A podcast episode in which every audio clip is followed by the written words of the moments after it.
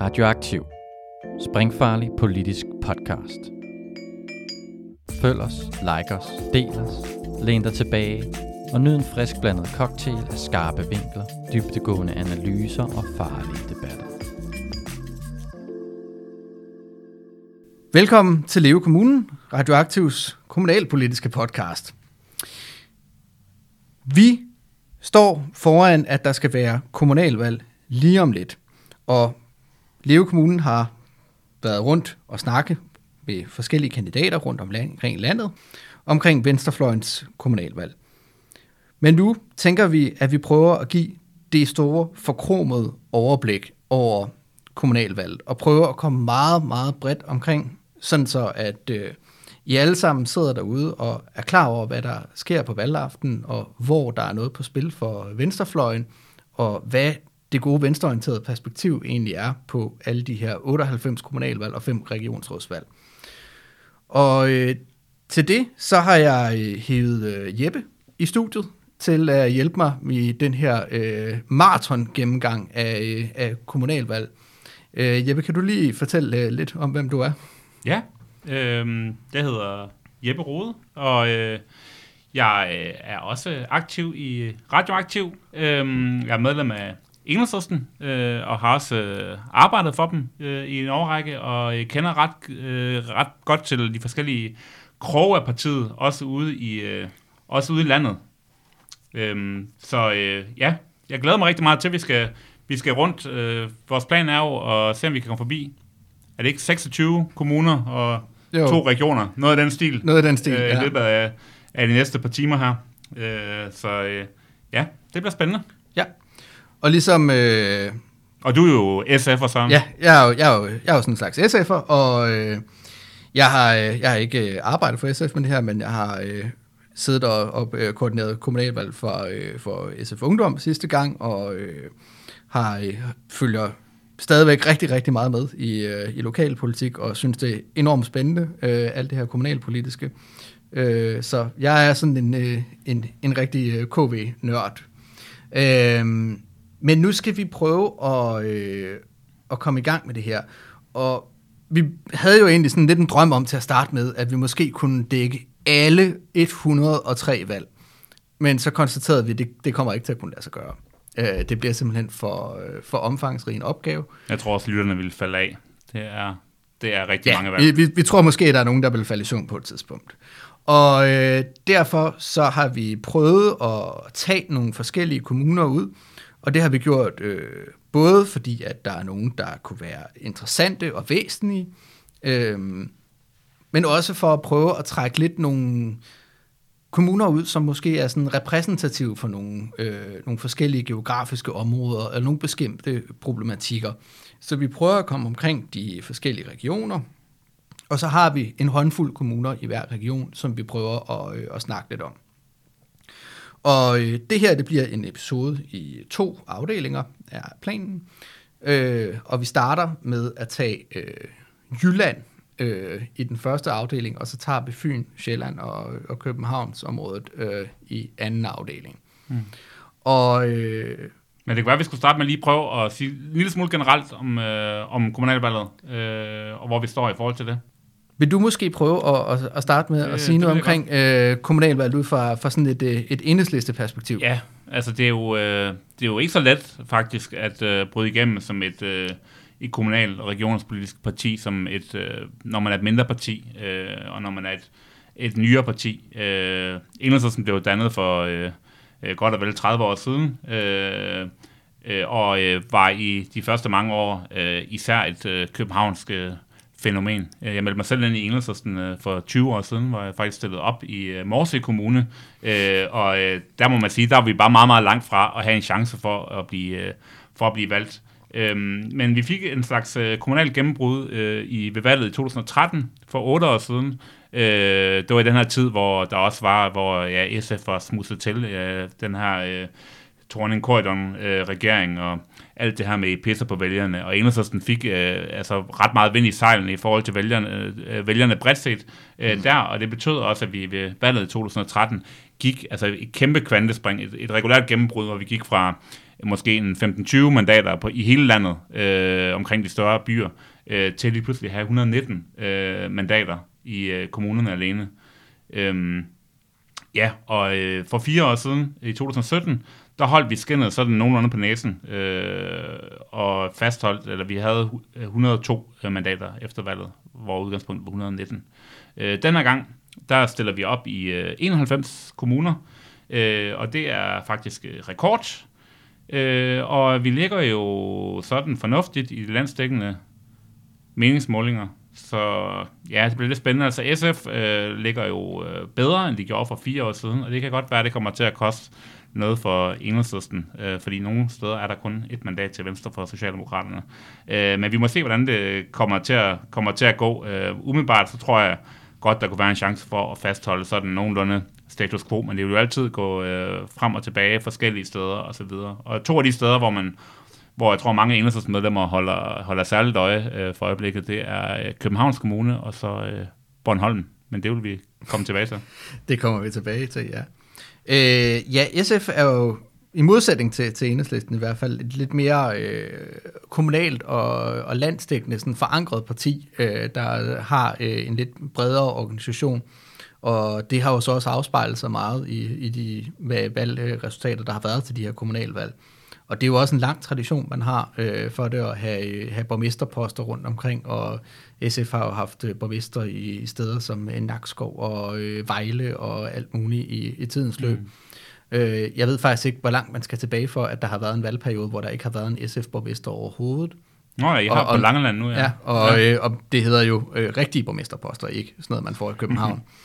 Nej. Øhm, så det er, en, det er en helt anden øh, indgangsvinkel til det. Øhm, mm. Og, øh, og man er jo også meget stærkere øh, uden for, for de store byer. Øh, jeg synes faktisk, det var meget øh, interessant. Nu sidder jeg her med sådan resultatet for sidste gang, og man kan se, at øh, enhedslisten får 5,95 procent af stemmerne på landsplan.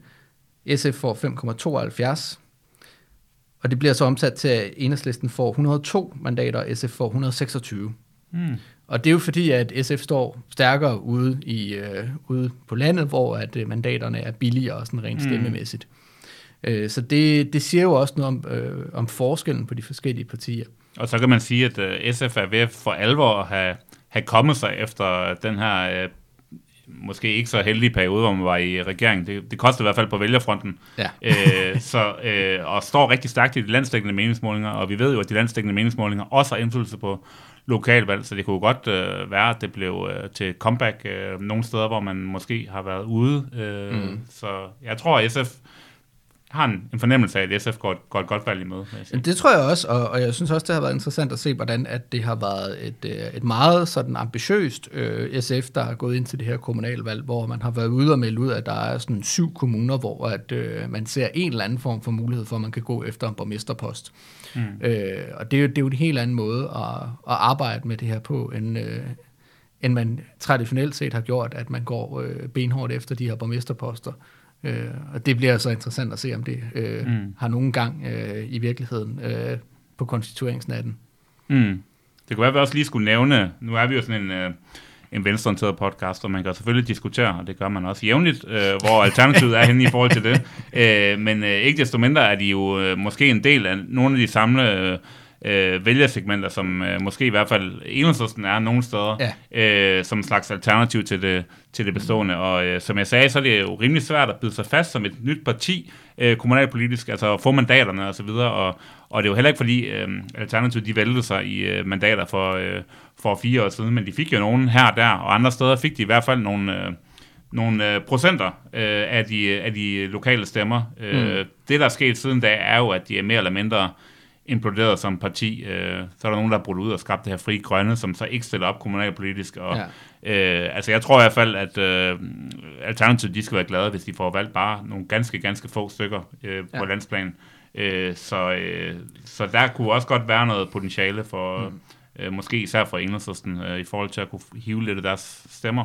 Helt klart, men jeg tror stadig, altså, at alternativet, det skal også tages seriøst. Det er alligevel, altså de har evner at få, øh, få stillet kandidater op i sådan noget 70 forskellige kommuner. Mm. Øh, Og, og det er jo også, altså, når man tager rundt, øh, også uden for København, altså at se i gadebilledet, at der hænger valgplakater for Alternativet osv., så, videre. så organisationen er der i hvert fald, og kampagneorganisationen er der.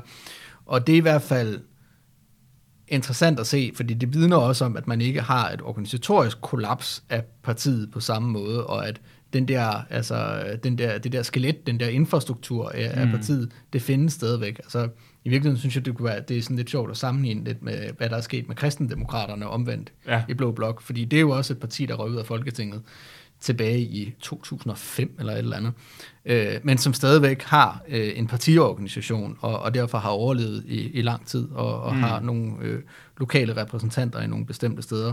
Øh, ja. Så det bliver interessant at se, Ja, det bliver om, faktisk vildt spændende at følge, øh, hvordan det går Alternativet også. om, øh, om de rent faktisk kan, kan holde skinnet på næsen og, øh, og holde partiet øh, kørende. Det vil i hvert fald øh, betyde, at, øh, at vi måske ikke skulle afskrive dem så meget, som man måske har gjort i, øh, i medierne. Nå, men øh, hvis vi skal prøve at komme i gang et sted, så øh, starter vi i øh, det mørke Nordjylland, Mm. og vi starter så langt nordpå, som vi kan komme. Vi tager til Frederikshavn. Ja, Hvad kan du sige om Frederikshavn, Jeppe? Jamen altså, det er jo helt op. Det er jo blandt andet øh, Skagen, som det dækker. Øh, Frederikshavn er en øh, meget stærk socialdemokratisk kommune. Øh, der er en borgmester deroppe, der hedder Birgit S. Hansen, som er enormt populær, øh, og en af de stærkeste borgmester overhovedet i, øh, i Danmark. Øh, ved sidste valg øh, for fire år siden fik hun personligt 42 procent af alle stemmer. Øh, altså, ja, det er helt, helt vanvittigt, øh, og sikrede øh, Socialdemokraterne et, et sikkert absolut flertal.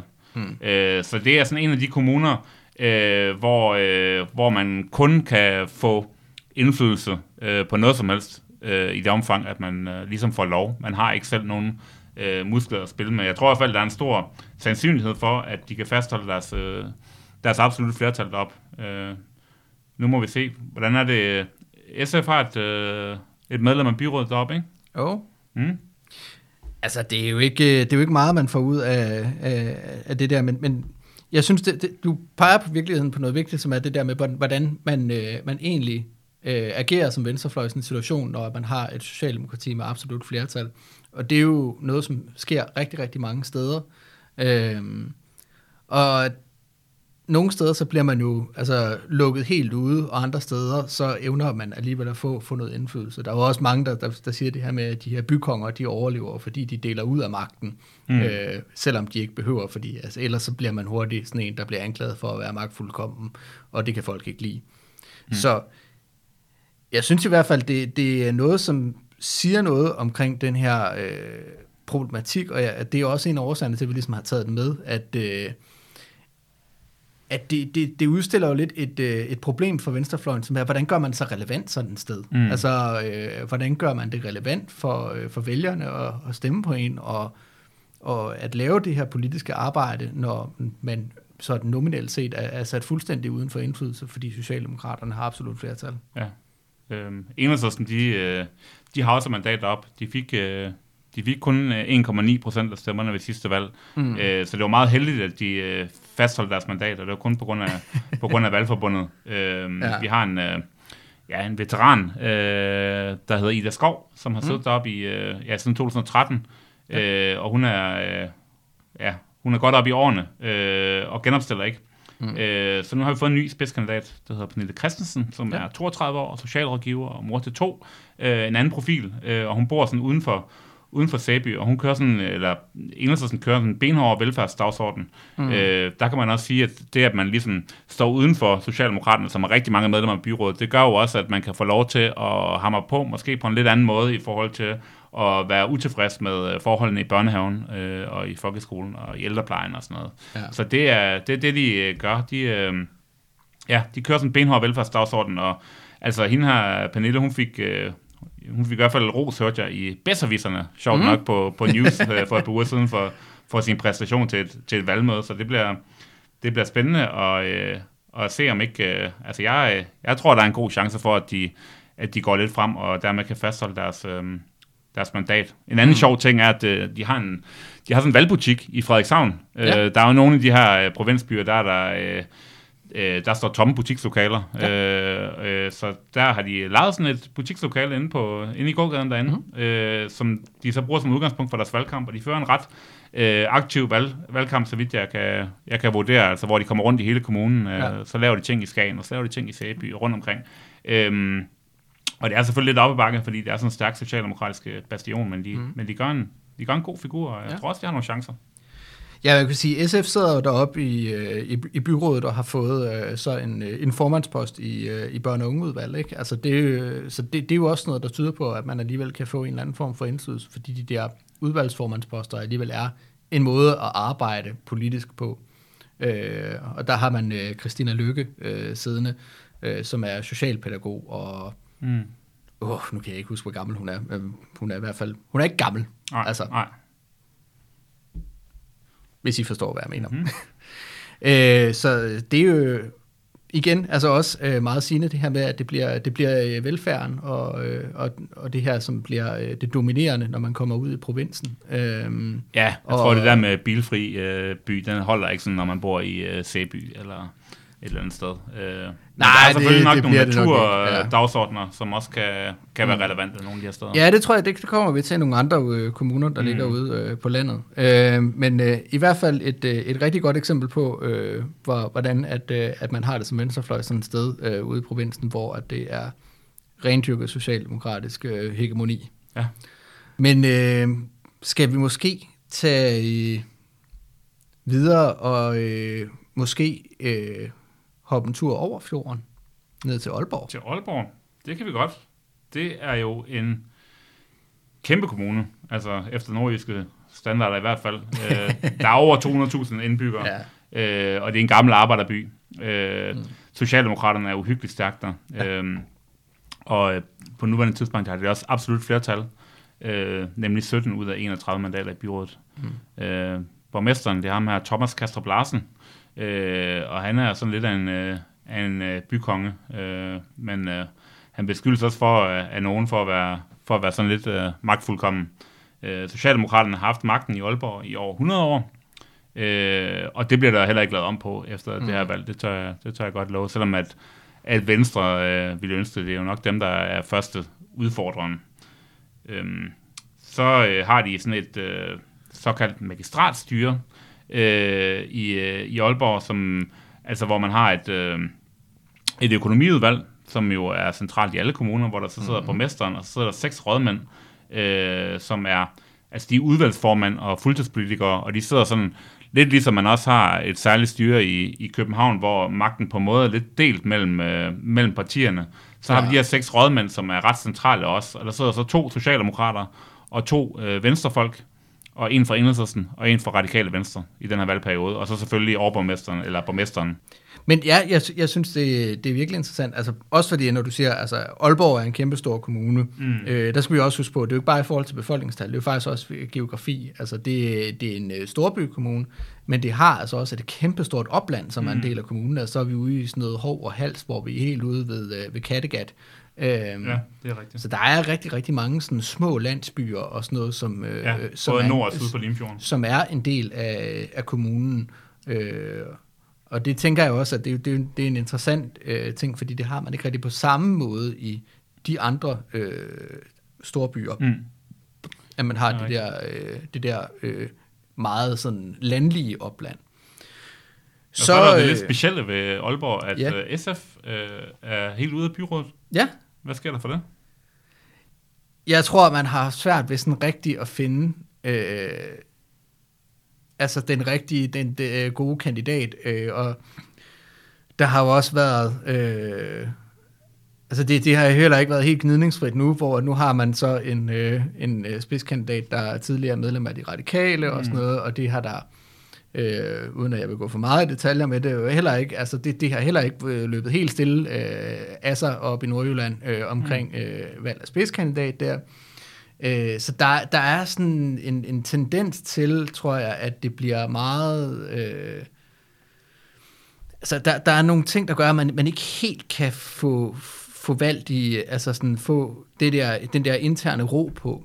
Øh, Mm. Og så tror jeg måske også, at man er lidt udfordret af konkurrencen i enhedslisten, fordi Per Clausen mm. bare er en øh, enormt øh, prominent figur. Ja.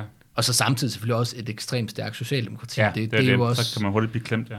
Ja. Mm. Også, jeg synes, en væsentlig pointe af det her, det er, at det, det olbergensiske øh, socialdemokrati er jo også en, øh, en forholdsvis venstreorienteret øh, socialdemokratisk mm. øh, afdeling. Ja.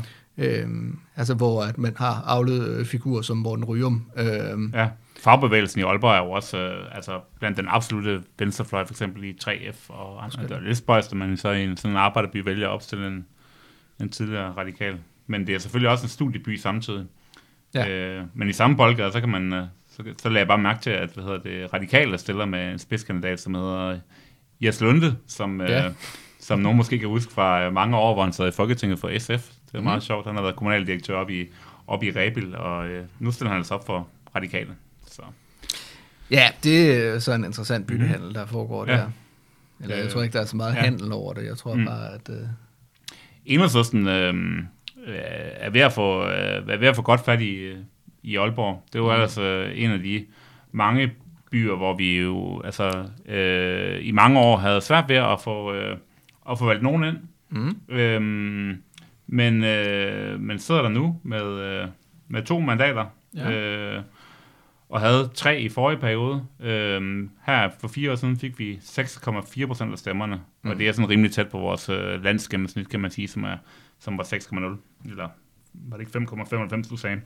Øhm, og denne gang, der går vi øh, benhårdt øh, efter det tredje mandat, øh, som også som man så også havde der i forrige valgperiode. Øh, ja. Og spidskandidaten, det er så Per Clausen, som jo er super rutineret og har siddet i, i Folketinget en del år, og som er sådan, altså på den politiske substans, sådan uh, ret uh, stærk, uh, og nok også et, et godt kort i forhold til uh, sådan et rådmandsvalg, uh, altså en, som som folk måske godt ville ture alligevel have øh, Per Clausen er ikke uh, rådmand? Eller? Nej, det er han nemlig ikke, fordi at, uh, det er en, der hedder Lasse Olsen.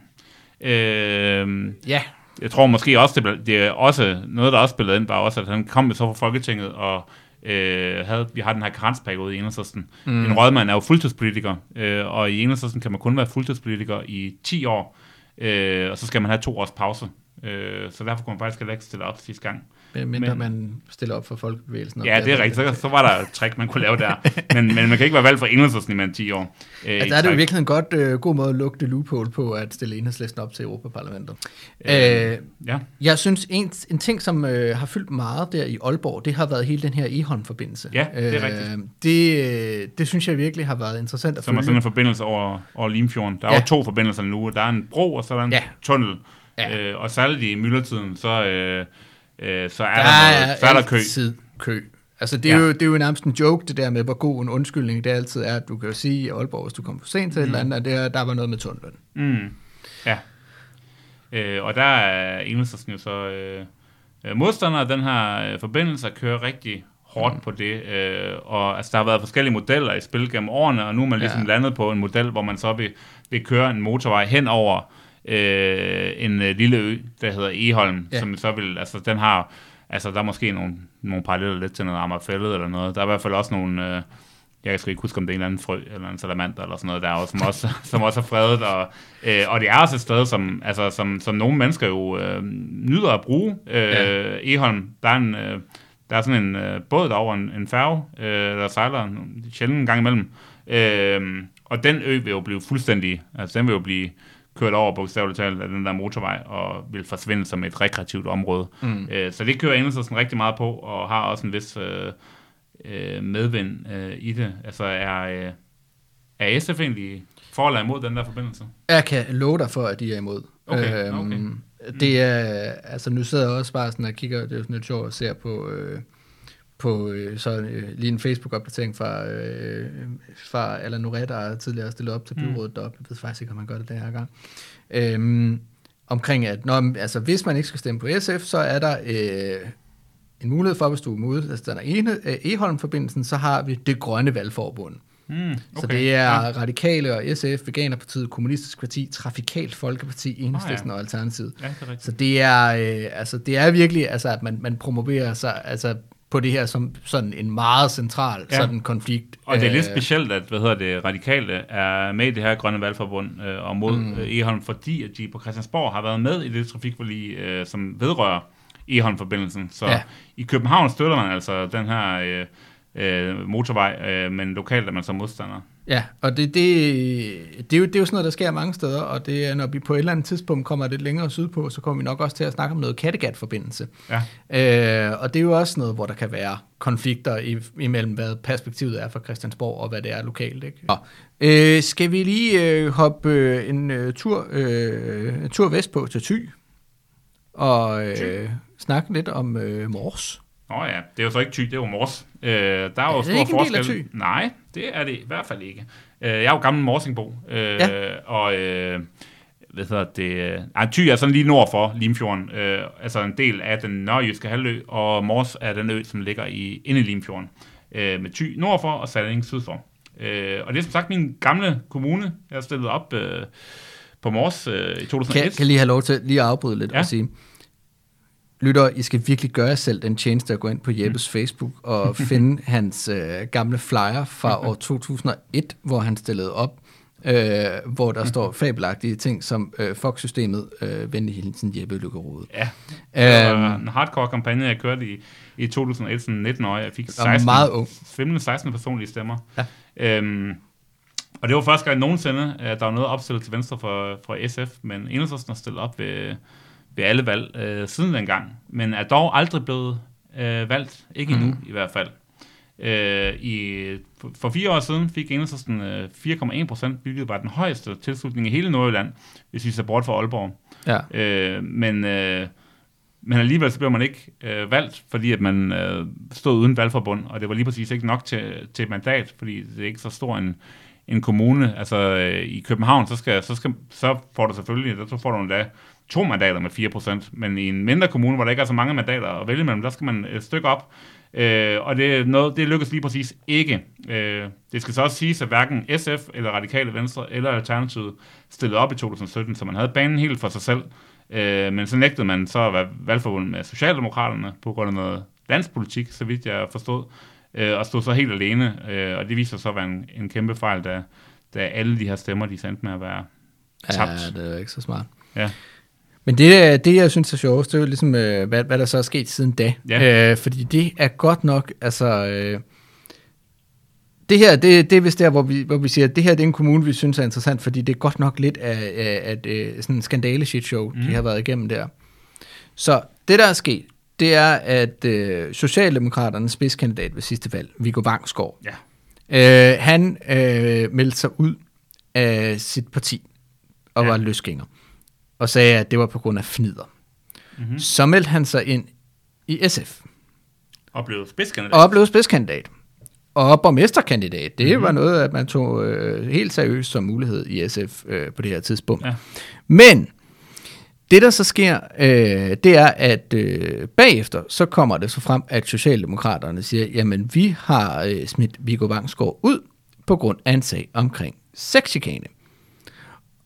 Og det var noget med, at han havde øh, taget en øh, kvindelig øh, byrådskollega øh, fra gruppen på, på låret, og øh, mm. sådan, været sådan, Bare været sådan klam i Klam. et par forskellige situationer, Type. ikke? Ja. Ja. Og øh, SF's øh, udmelding bagefter, det var så, det, det øh, primært, at øh, det, det var man nok lidt irriteret over, at man ikke var blevet orienteret om, at Viggo Mm. Vangsgaard på forhånd, at det var det, det handlede om. Og, øh, men ellers at man bakkede op om ham. Ja. Og det så er er der- sådan, det er jo noget, øh, i hvert fald en træls situation for SF mm. at blive stillet i, fordi man er i en situation, hvor man øh, slet ikke kunne stille op sidste gang, og lige pludselig ja. får man et ret stærkt kort, som er også lokalt kendt. Øh, men øh, så er det klart, så kommer den her sag så, og så uha, altså, øh, altså alternativet til at, at lade ham fortsætte som kandidat, det ville jo være at sige, at så stiller vi nok slet ikke op. Ja, det, det er ikke særlig nemt. Og så øh, ender det jo så med, at, øh, at øh, enhedslisten faktisk siger, at de ikke vil indgå i øh, valgforbund med SF øh, på grund af den her sag. Ja. Men apropos enhedslisten Mm. i Mors, Ja. øh, Morsø Kommune mm. er det jo sådan set, Ja. så har de jo så også øh, haft deres egen øh, fantastiske historie der. Der er jo en, øh, en, en kandidat, der er skiftet. Ja, de har haft, øh, ja, man kan sige, i 2017 øh, stillede de op med en kandidat, øh, en der hedder Bo Fink, som mm. var tidligere radikal. Ja. Øh, og nu er han tilbage som spidskandidat for radikale venstre. Ja. Så altså tingene øh, skøjter rundt op. Man skulle måske også lige nævne, at vi, der har også en speciel historie deroppe med, med nogle tidligere SF'er, der i 2013 stiftede en lokal liste, der hedder Demokratisk Balance, som faktisk øh, sammen med en tidligere venstrekvinde, så vidt jeg husker, og de bragede ind i byrådet med næsten hver femte stemme, hvilket er helt vildt, fordi at det er ikke en, altså generelt set ikke en progressiv kommune, som, som jeg tænker den i hvert fald, men, men altså det var på en klar velfærdsdagsorden, og hvad skal man sige, de lå til venstre for mm. Socialdemokratiet og bragede ind i byrådet. Øh, men der er så flere af de bærende kræfter, der har forladt listen siden, og øh, de fik genvalgt et enkelt mandat sidste gang, og spørgsmålet er, om de overhovedet kan fastholde det den her gang. Øh, en af dem, der var med til at stifte øh, i 2013, Thor Møller, han er nu øh, borgmesterkandidat for Socialdemokratiet. Ja. Så på den måde så skøjter øh, mandaterne sådan lidt øh, rundt mellem partierne, øh, og, og ham, der var spidskandidat for Enhedslisten, og så spidskandidat for Radikale den her gang, øh, og Enhedslisten stiller sig op med en... Øh, altså en, der er ny i lokalpolitik, øh, som hedder Pia Thorsen, som, øh, mm. øh, altså, så vidt jeg kan bedømme, gør en, gør en, øh, en god figur deroppe, og er, er super aktiv i hvert fald, og fylder, fylder meget i debatten, øh, og har et engageret hold øh, bag sig også. Øh, øh, så, og de er så i valgforbund med, med deres gamle spidskandidat, deres tidligere spidskandidat, kan man sige, øh, fra radikale. SF står alene, øh, og, ja. og får det nok altså lidt svært. Altså, de har ham her, Viggo Bangsgaard, som godt nok sidder i byrådet i forvejen, men den er også øh, fyldt på en ikke så positiv måde, den her øh, historie. Øh, så øh, ja, vi må, vi må se, hvad der sker. Altså, personligt håber jeg jo rigtig meget på, at, at Enhedslisten kommer i byrådet for første gang. Øh, jeg synes, de både i 13 og 17 øh, faktisk har, har, gjort, har gjort det godt, og, og gør det også nu. Så øh, det kunne, være, det kunne være dejligt, hvis det lykkedes at få det der lille øh, gennembrud. De også øh, fylder, fylder meget i, i nogle af debatterne. En af de store ting deroppe er, øh, der er sådan et øh, dejligt naturområde, der hedder Ørøde, mm. øh, hvor ja, hvor der, det der, hvor det gamle stadion ligger, der ligger nogle tennisbaner, og der er noget skovområde, og en dejlig strand, og det bliver brugt rigtig meget som sådan et rekreativt område, og ligger meget tæt på, på hele byen. Øh, og, øh, og der vil de borgerlige så, og Socialdemokraterne lade os med tanken om at bygge det med, bebygge det med store øh, altså, altså selv ja. udstykke grundene og øh, bruge de her rekreative områder til at privatisere dem og, hmm. og kunne tjene nogle penge til kommunen på den måde. Og, øh, og der øh, fik, øh, fik Engelsen ligesom nyt som det, og der startede sådan en Facebook-gruppe, og i løbet af to døgn, så var der altså 2.000 morsingboer. Det er vanvittigt mange sådan et sted, øh, sådan en lille kommune, som, som var medlem af den her protestgruppe, og folk var rasende over, at, mm. at øh, det her sted, som alle øh, morsingboer, eller alle i Nykøbing i hvert fald, har, har et øh, personligt forhold til, øh, lige skulle øh, blive til boliger til nogle, til nogle rige mennesker. Så de, øh, altså de der planer er blevet lagt på hylden, de er blevet presset fuldstændig i bund efter samme model, som vi har set flere andre steder, hvor øh, først så siger Dansk Folkeparti, at de øh, kan faktisk ikke støtte ja, det, ja, og så øh, kan Socialdemokraterne altså heller ikke støtte det, øh, og så kan de borgerlige heller ikke til sidst. Så nu ja. er alle enige om, at øh, det skal i hvert fald ikke øh, bebygges, så det er, det er meget fedt. Ja, det er i hvert fald også et godt eksempel på, ja. at, øh, at det kan gøre en forskel. Og øh, hvis vi nu øh, bevæger os væk fra, øh, fra det nordjyske og øh, lidt længere sydpå, øh, ned til, til Region Midtjylland, så, øh, så kommer vi lige til kort at vende øh, regionsrådsvalget. Mm. Øh, for det er jo ligesom øh, et af, af, af de øh, regionsrådsvalg, vi har taget ud, fordi vi synes, det er, øh, det er lidt sjovt og lidt interessant. Øh, og kan du sige lidt om, øh, om det, Jeppe? Ja, altså Region Midt er ligesom de andre regioner, de er jo, det er nogle meget, meget store enheder med, øh, altså, øh, jeg vil lige vil sige millioner af, af, af vælgere, men i hvert fald, altså, hvor vi snakker 100.000 vis af vælgere, mm. i modsætning til langt de fleste kommuner. Øh, og Region Midt, den dækker jo både øh, Østjylland og Vestjylland, øh, og har en øh, socialdemokratisk øh, formand, øh, og jeg kan ikke huske, de har haft andet. Øh, men øh, det er ligesom i øh, rigtig mange steder i Jylland, at det er Socialdemokraterne og Venstre, der er de store partier. Og ved sidste valg, der fik øh, Socialdemokraterne så en tredjedel af stemmerne, og Venstre fik 30 procent. Øhm, og øhm, ja, altså Venstrefløjen er jo ikke sådan specielt øh, stærk. Øh, Enhedslisten og SF har to mandater hver. Ja. Øhm, for Enhedslistens vedkommende var det en, der hed Signe Sofie Lund Jensen, øh, en øh, ung kvinde, og, og en lidt mere rutineret, der hed øh, Else Kaiser, som blev, øh, som blev valgt øh, sidste gang. Øh, hende og Signe Sofie, hun genopstiller ikke, så nu stiller vi op med, med Else her, og så... Øh, og så en anden øh, fyr, der stod i byrådet øh, før, der hedder Henrik Kvist. Det er mm. to ikke specielt øh, karismatiske typer, øh, må jeg sige. Men, øh, men til gengæld så, øh, så er jeg ret sikker på, at de er gode til øh, substansen. Øh, det skal man heller ikke kæmpe sig af. Altså regionspolitik, det er især sundhedspolitik, det handler om ude i regionerne jo. Ja. Øh, og så er der også det ved det, at folk i, under alle omstændigheder i ret høj grad øh, stemmer efter deres øh, præferencer til øh, landspolitik, når det Mm. kommer til kommunalpolitik, fordi der er faktisk ikke ret mange, der kender ret mange, øh, øh, altså der kender deres regionspolitikere, så man sætter ligesom bare kryds ud for det parti, man, man vil stemme på til kommunal- eller folketingsvalg. Ja, helt klart. Ja, altså for, for SF, der er det jo stadig, øh, det er jo Jacob Klærke, der, øh, der står i spidsen for det. Ja. Øh, han er jo så til gengæld, jeg vil sige, en forholdsvis karismatisk øh, og, og populær type. Øh, Og alligevel kender jeg ham for eksempel ikke, selvom jeg er sådan politisk Ja, nørd, men det er jo fordi, det er regionspolitik, og det er ikke min egen region, så Ja. ja.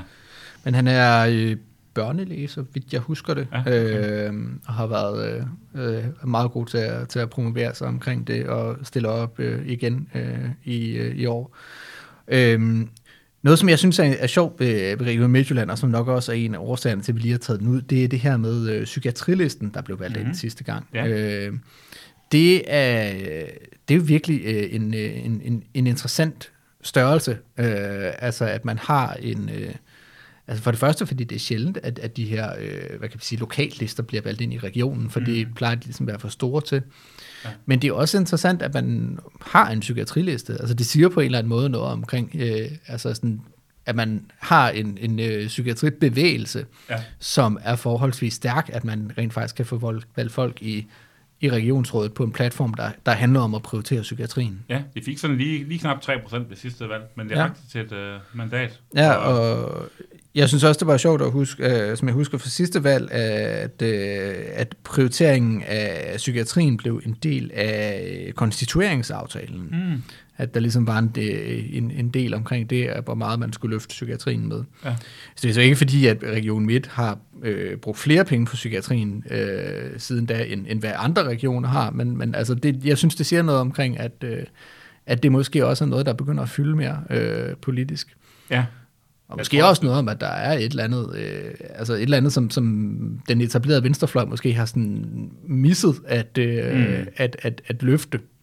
ja. ja der har i hvert fald været en, øh, altså, de, de jo, altså, det er jo blevet skåret ned i forhold til, hvad det var for 20-30 år siden. Der har jo mm. været en øh, udhuling af, af ressourcerne i psykiatrien, og øh, især ja. blandt de ansatte, øh, eller selvfølgelig også blandt brugerne og deres pårørende, men, men også blandt de ansatte har der været sådan stigende frustrationer, øh, mm. og det var så også det, der kom til udtryk med den her psykiatriliste, den, øh, sådan som jeg forstår det, øh, udspringer ligesom af, af, hvad skal man sige, at de faglige organiseringer, der har været inden Ja. for psykiatrien, øh, at man simpelthen øh, så bredt set bare havde fået nok af det, og ikke stolet på, at, øh, at øh, nogle andre partier, øh, det ville jo ellers være en klassisk venstrefløjssag, kan man sige, ville løfte den her, og derfor var, det, var det nødvendigt at starte noget. Ja, og det er, jo, det er jo klart ikke, fordi det bliver jo altid til, altså vi kan jo alle sammen blive enige om, at psykiatrien skal prioriteres, men så kommer det til, til altså så sidder man der i et eller andet budgetforhandling, og så er det sådan, om vil du så tage fra, øh, fra kraftpatienterne eller fra hjertepatienterne eller et eller andet, mm. ikke? Altså fordi at økonomien er så fastlåst i de der regioner, fordi Ja. at de kan jo ikke udskrive skat eller noget som helst, mm. altså. Nej. Men jeg synes i hvert fald, det, øh, det er en interessant ting at tage med, og det, det bliver også meget interessant at se, øh, hvordan de klarer sig nu. Ja. Øh, deres siddende medlem genopstiller vist ikke. Nej. Øhm, Det ikke. men øh, men det bliver, det bliver øh, enormt spændende at se, om, øh, om de kommer til at få yderligere fremgang. Ja. Skal vi prøve at komme lidt videre fra regionen og, ja. og ned og kigge på nogle kommuner? Øh, vi skulle til at snakke om Randers. Ja. Randers, øh, det er jo en, øh, en, gammel, en gammel arbejderby, øh, som, øh, som har været socialdemokratisk i øh, altså, un, umindelige tider, øh, frem til øh, for 20 år siden. Ja. Øh, der, øh, øh, altså i, i 1900-tallet, der sad øh, Socialdemokraterne på Randers, øh, og de øh, øh, var også, øh, ifølge mange, noget øh, magtfuldkommende. Og derfor har vi også en, en venstrefløj i Randers, som er lidt speciel. Øh, der skete det i 1993. Øh, der blev dannet noget, der hed øh, beboerlisten i Randers, øh, som udsprang af Randers Lejerforening. Øh, og øh, deres formål var simpelthen, at de ville rydde op i, i den administrative og politiske ledelse i Randers Kommune, øh, mm. fordi de mente, at under øh, særligt den, øh, ham, der havde siddet i en del år på det tidspunkt, Kjell Hyttel, øh, Ja. socialdemokratisk borgmester, bare præg af magtmisbrug og favorisering af, af ledende embedsmænd og, mm. øh, og partifælder, øh, og der har også været nogle øh, uretmæssige fyringer af ansatte. Øh, så lige startede som sådan en slags øh, protestliste, øh, og øh, ja, braget ind i Randers Byråd, øh, og øh, dengang øh, og øh, den dag i dag, øh, næsten 30 år efter, er, er det Bjarne Overmark, øh, advokat, mm. som er frontfigur for dem.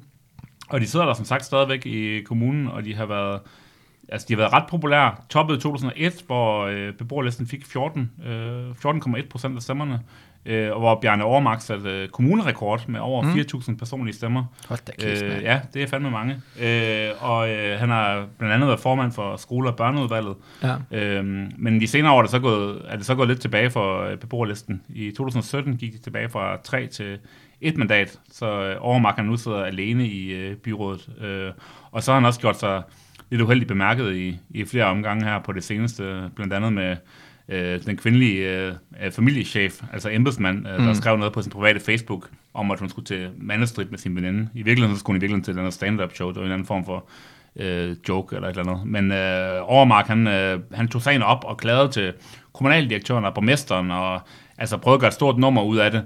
Øh, og øh, det endte med at være et kæmpe selvmål, hvor resten af byrådet ligesom tog, tog afstand fra, fra Bjørn Overmark, og, og hallo, altså de ansatte har, har ret til både et privatliv og en ytringsfrihed, altså det var en privat Facebook-profil og sådan noget.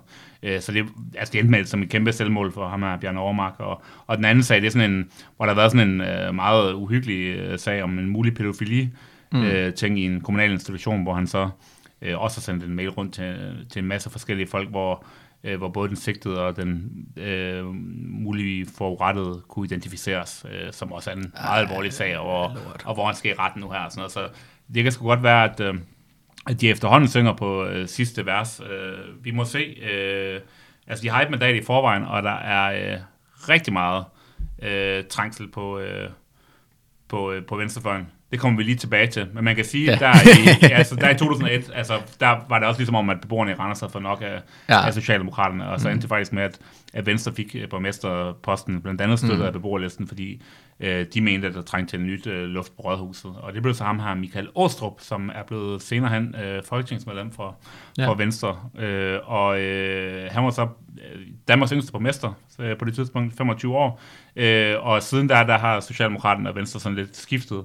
Der har været to perioder, hvor der har været Venstre flertal, men altså nu er det igen øh, Socialdemokraterne. Øh, Mm. ham her Torben Hansen, der også har siddet i øh, Folketinget på et tidspunkt for Socialdemokraterne, der sidder som, som borgmester. Ja, så har vi også velfærdslisten. Det kan være, du vil fortælle lidt om øh, dem. Det er også en sjov historie. Ja, velfærdslisten. Øh, altså, øh, i, i SF er den jo nok lidt mere kendt som Kasper Furlisten. Øh, og, øh, og, og den, er jo, øh, den er jo stiftet af, af ja, Kasper Fur, sjovt nok, øh, som var, øh, han var jo gammel øh, SFU'er og blev valgt i, hvad har det været, 2009, Ja. og havde, øh, var, var ligesom ved at, øh, at prøve at, at konstituere sig med, øh, med de borgerlige udenom Socialdemokraterne. Øh, og der var ligesom en plan om måske at få, få, øh, få en SF-borgmester, og det var ikke så populært øh, i baglandet. Øh, jeg skal ærligt talt indrømme, at jeg kan ikke helt rigtig huske, hvorfor, øh, at, øh, at det lige præcis var, at det var upopulært. Det var nok sikkert noget med Ja. politiske substans, at øh, man var ved at, man var ved at sælge øh, det politiske indhold for at få en, for at få en post. man Det forestille sig. kan sagtens være, ja. Og øh, så ender det så med, at det bliver Socialdemokraterne, der bliver øh, borgmester alligevel. Øh, men det, der i hvert fald er humlen af det, det er, at, øh, at Kasper Fur melder sig ud og øh, stiller op øh, næste gang øh, på det, som øh, hedder velfærdslisten. Og, øh, Så man stifter sammen med nogle lokale øh, fagforeningsfolk, Ja. nogle fremtrædende sådan, lokale folk. Ja, og, og det, det er jo virkelig lidt sjovt, ikke? fordi på en eller anden måde, så det siger også noget om den der, sådan, øh, den der interne, sådan, øh, måske sådan parti øh, at det er SF'erne øh, sådan gerne sådan lidt hundigt kalde det Kasper Fur-listen, men, men det er jo også andre mennesker, og der er jo også øh, andre, der er involveret i det her øh, projekt. Det er jo ikke bare Kasper Furs projekt.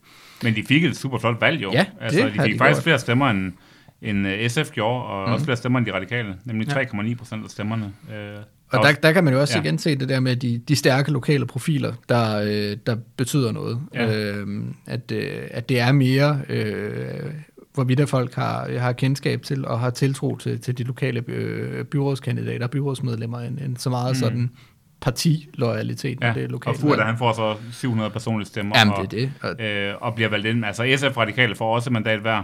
Mm. Øh, der sker så det efter valget, at øh, Kasper Fur han vælger at konstituere sig sammen med højrefløjen, jeg var lige ved at sige, sige igen, øh, øh, sammen med beboerlisten også, Ja. øh, og, og øh, får, nogle, får nogle poster der. Øh, og øh, så sidder der en borgerlig øh, borgmester fra 14 mm. til 17, øh, og så øh, ja, ved sidste valg, der vælger Engelsen så, altså der i 2017 for første gang at stille op. De har aldrig stillet op der før, fordi at vi har støttet beboerlisten. Øhm, men øh, der stiller Enhedslisten op og sætter en, øh, en kun 19-årig mm. øh, i spidsen for Enhedslisten, Frida Valbjørn Christensen. Øh, og øh, der er sådan lidt dårlig stemning mellem beboerlisten og Enhedslisten, og øh, beboerlisten vil ikke, vil ikke i, øh, i valgforbund med, med Enhedslisten. Øh, og øh, det sker, der sker så det, at, øh, at altså SF får ved sidste valg her, SF får 4,2 procent, Ja. beboerlisten får 5 procent, velfærdslisten får 4,0 procent, og Enhedslisten får 2,1 procent. Øh, og det er lige præcis nok til, at Enhedslisten også får et mandat, så alle får et mandat øh, hver, og Enhedslisten er seriøst heldige altså i forhold til valgforbundet og, og det hele med, at- med at få det her øh, mandat. Men det vil sige, at vi har faktisk fire forskellige altså regulært, altså socialistiske partier, seriøse, øh, seriøse grupper i Randers, øh, som mm. sidder i byrådet, øh, hvilket er helt unikt. Altså SF, beboerlisten, velfærdslisten og enhedslisten. Ja. Øh, og øh, altså, det, altså, det, det er da lidt tvivlsomt, om der er plads til dem alle fire efter, efter det her valg også, og hvad der så kommer til at ske. Så. Men jeg synes også, det siger noget interessant om de der gamle sådan, arbejderindustribyer, at, øh, at selvom at Socialdemokratiet måske mister magten, at så kan man stadig se, at der faktisk er en, øh, en stærk venstrefløj ja. øh, til stede. Det kan man jo også se sådan nogle steder som Katteminde eller Halsnes eller sådan noget, mm. som måske er sådan lidt mere sådan sammenlignelige med. Øh, men det synes jeg i hvert fald er en enormt interessant øh, tendens. Hvis vi skal hoppe videre fra Randers... Øh, Kan man bare lige sige til allersidst, Ja. ja. altså øh, beboerlisten, velfærdslisten og enhedslisten, de er valgforbund. Øh, mm. SF er ikke valgforbund med de tre andre, men med Socialdemokraterne, som de Ja. er ret, øh, som de er ret tæt på, dem har de også været i valgforbund med i 13 og i, Ja. og i 17. Øh, så ja, ja det, bliver lidt, det bliver lidt spændende at se, hvad der sker. Det, hvad hedder det? SF har en, der hedder Rosa Lykke, Ja. som, øh, som spidskandidat, og Ja, og Enhedslisten har hende her, Frida mm. Valbjørn, som stadigvæk er ung, men jo nu har fire års byrådserfaring. Øh, og ja, burde nok kunne, kunne mm. forhåbentlig at trække et, trække et mandat, men der er fandme øh, trængsel på venstrefløjen. Så, Det må man sige. Ja. Der er trængsel på fløjen. Skal vi gå videre til... Nu skal vi lige finde ud af, hvad den næste kommune i en eller anden logisk rækkefølge vil være. Mm, Aarhus måske. Mm, Aarhus, ja. Lad os tage til Aarhus. Det er jo Danmarks næststørste kommune, og øh, socialdemokratisk øh, bastion, bortset fra, øh, fra Ja, år. da, da Øh, Louise Gade var Ja, præcis. borgmester. Der, der, var lige, der var lige en enkelt Ja. periode, hvor, øh, hvor der lige blev luftet lidt ud, men ellers har de jo øh, ellers har de siddet på, på magten siden, Mhm. mm-hmm. øh, ja, siden, øh, siden det kommunale, øh, altså, hvad skal man sige, at, at kommunen opstod. Øhm, og øh, ja, altså, man kan sige, for enhedslisten, så øh, klarer vi os ikke specielt godt i Aarhus. Det har vi aldrig rigtig gjort. Øh, altså, øh, i hvert fald ikke, hvis man ligesom medregner den demografi, der er i Aarhus. Det er en, øh, det er en enormt ung by, og der er mange veluddannede, og altså folk, der stemmer på Ja. enhedslisten i mange andre sammenhænge. Øh, men vi klarer os bare notorisk dårligt i Aarhus, hvis man sammenligner med for eksempel København, der har noget af den samme, øh, hvad skal man sige, øh, Og det, det er bare til kommunalvalgene, ikke? Klar, øh, jo, øh, især, is- det er endnu stærkere til kommunalvalgene, men altså, jeg ved ikke, vi har bare ikke sådan særlig, øh, vi er ikke særlig rodfæstet i den der hmm. by, men vi klarer os bedre til folketingsvalgene, end vi gør til kommunalvalgene dog. Ja.